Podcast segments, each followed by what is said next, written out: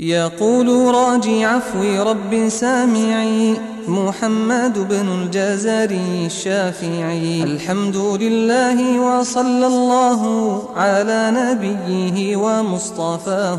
محمد وآله وصحبه ومقرئ القرآن مع محبه. بسم الله الرحمن الرحيم.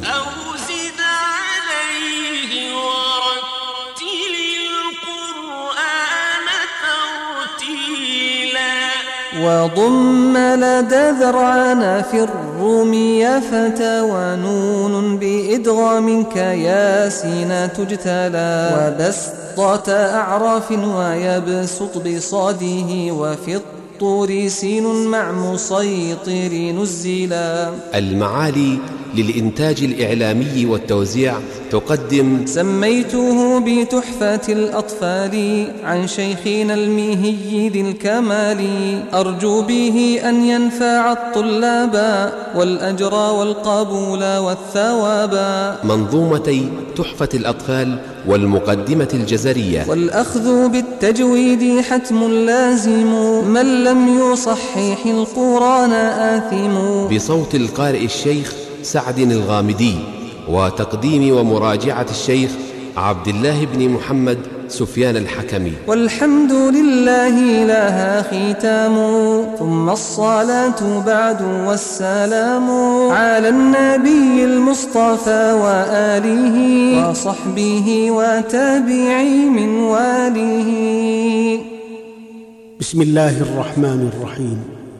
الحمد لله الذي تكفل بحفظ كتابه فقال جل من قائل إنا نحن نزلنا الذكر وإنا له لحافظون.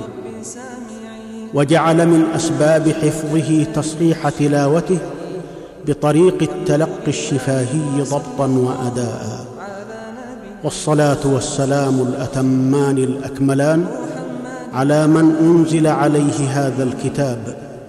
فبلغه أتم البلاغ وأداه أحسن الأداء صلوات الله وسلامه عليه ما تعاقب الليل والنهار وعلى آله وصحبه الذين حملوا عنه هذا الهدى إلى سائر الأقطار وعلى التابعين لهم ومن اقتفى أثرهم في سائر الأزمان والأعصار. أما بعد فإن تجويد كتاب الله تعالى وتحسين أدائه من علوم المقاصد التي يجب على الأمة العناية بها. ولهذا توجهت همم العلماء إلى ذلك في كل زمان ومكان. فدبجت في هذا العلم مئات الكتب ونظمت فيه عشرات المتون. ومن متونه التي كتب الله لها القبول الحسن متنى تحفة الأطفال للعلامة المقرئ سليمان الجمزوري والمقدمة الجزرية لإمام أهل الأداء بلا منازع الإمام الكبير محمد بن محمد بن محمد الشهير بابن الجزري رحمة الله على الجميع. وعلى سنن التدرج في العلوم بتقديم الأكثر إيجازا واختصارا رأينا أن نقدم متن التحفة على متن الجزرية. فمتن التحفة متن قصير يتعرض لأهم الأحكام الظاهرة كأحكام النون الساكنة والتنوين والنون والميم المشددتين والمدود ونحو ذلك. أما المقدمة الجزرية فهي على إيجازها شاملة لجل قواعد التجويد. وقبل الشروع في ذكر بعض التنبيهات لا بد من إلمامة سريعة بترجمة حياة هذين الإمامين. مبتدئا بالجمزوري فأقول هو سليمان بن حسين بن محمد المعروف بالجمزوري نسبة إلى بلدة جمزور من أعمال مصر وهي بلدة أبيه. ولد في طنطا في ربيع الأول بعيد الألف ومائة وستين من الهجرة ونشأ في بيئة تهتم بالقراءة والإقراء فأخذ عن عدد من أهل العلم أشهرهم شيخه المعروف بالنور الميهي. ولم تكن للجمزوري آثار كثيرة معروفة سوى هذه الأرجوزة النافعة وشرحها الذي سماه فتح الأقفال والفتح الرحماني بشرح كنز المعاني بتحرير حرز الأماني في القراءات السبع.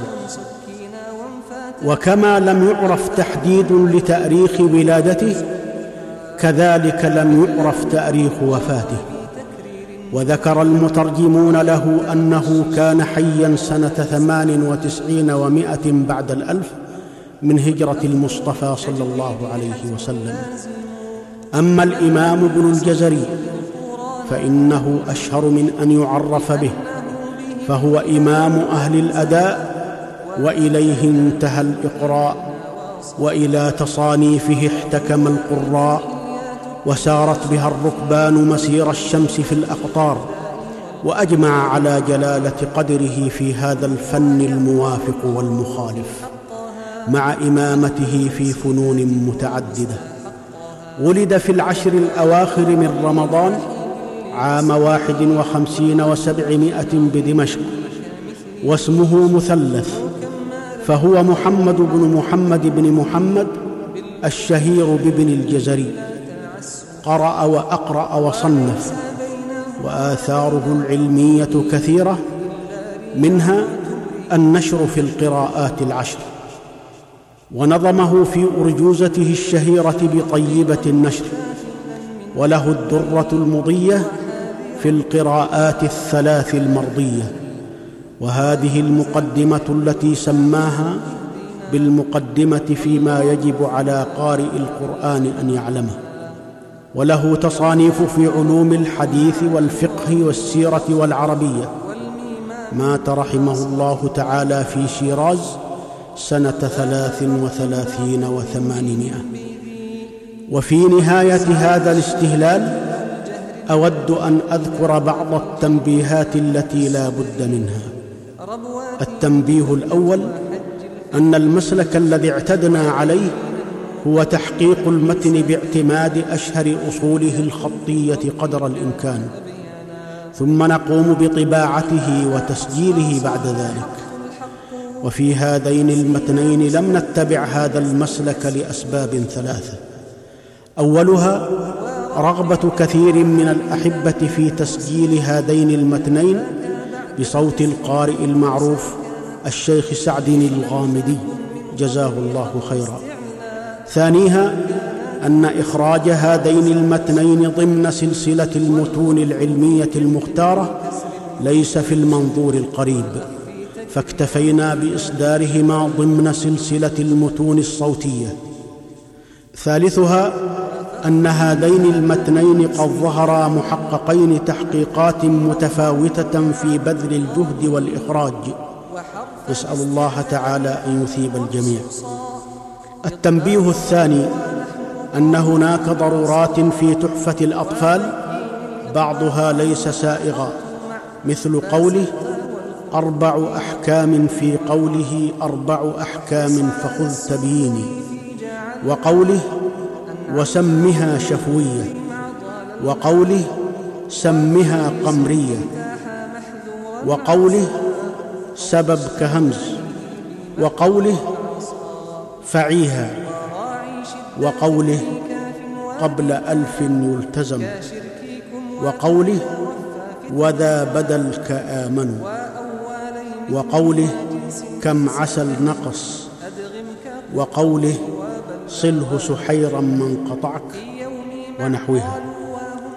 مع أن هذه الأرجوزة من أسلس الأراجيز وأكثرها عناية بالأمثلة والجمل الحاصرة للحروف.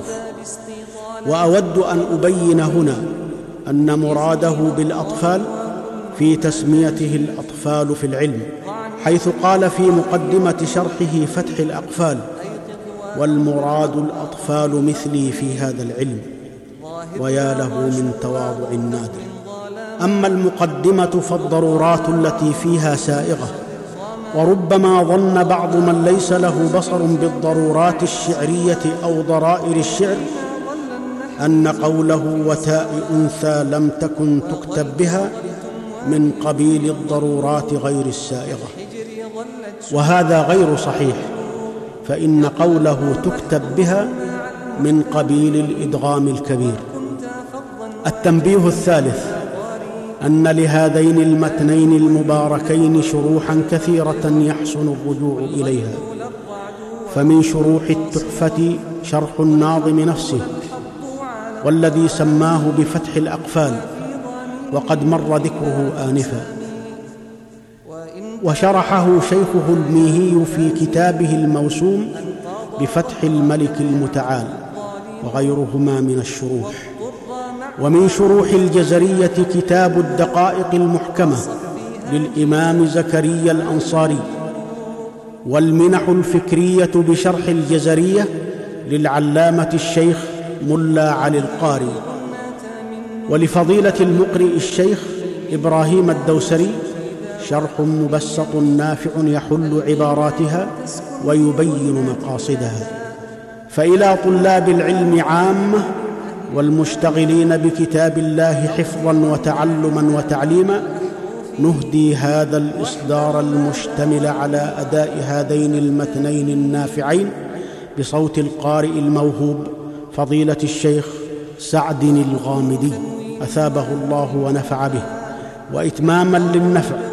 رأينا أن نلحق بهما بعض التتمات التي ألحقها فضيلة المقرئ الشيخ أيمن سويد بالمقدمة الجزرية. فيا أيها المحتفي بكتاب الله تعالى حسبك هذا شرفا ورفعه في الدنيا والآخرة فلا أحد يغبط مثلك ولا مضمار يضاهي المضمار الذي اخترت السباق فيه إلى رضوان الله جل وعلا. واستلهم القرآن فهو منارة. تهدي الزمان إذا الزمان تعامى لا تسعد الدنيا إذا لم تتخذ من نوره المنهاج والأحكام. وتحية مقرونة بالدعاء للقائمين على صوت المعالي للإنتاج الإعلامي والتوزيع على جهدهم المتميز في إخراج هذه السلسلة وغيرها. ودعاء خاصا لأخينا المفضال الأستاذ أبي بكر السيد على ما يبذل من مجهود في إخراج ما يصدر عن هذه المؤسسة من أعمال. أسأل الله أن يوفقنا جميعا إلى حسن العمل والإخلاص فيه لوجهه الكريم ويجعله في ميزان حسنات الجميع. إنه جواد كريم والحمد لله بدءا وختاما.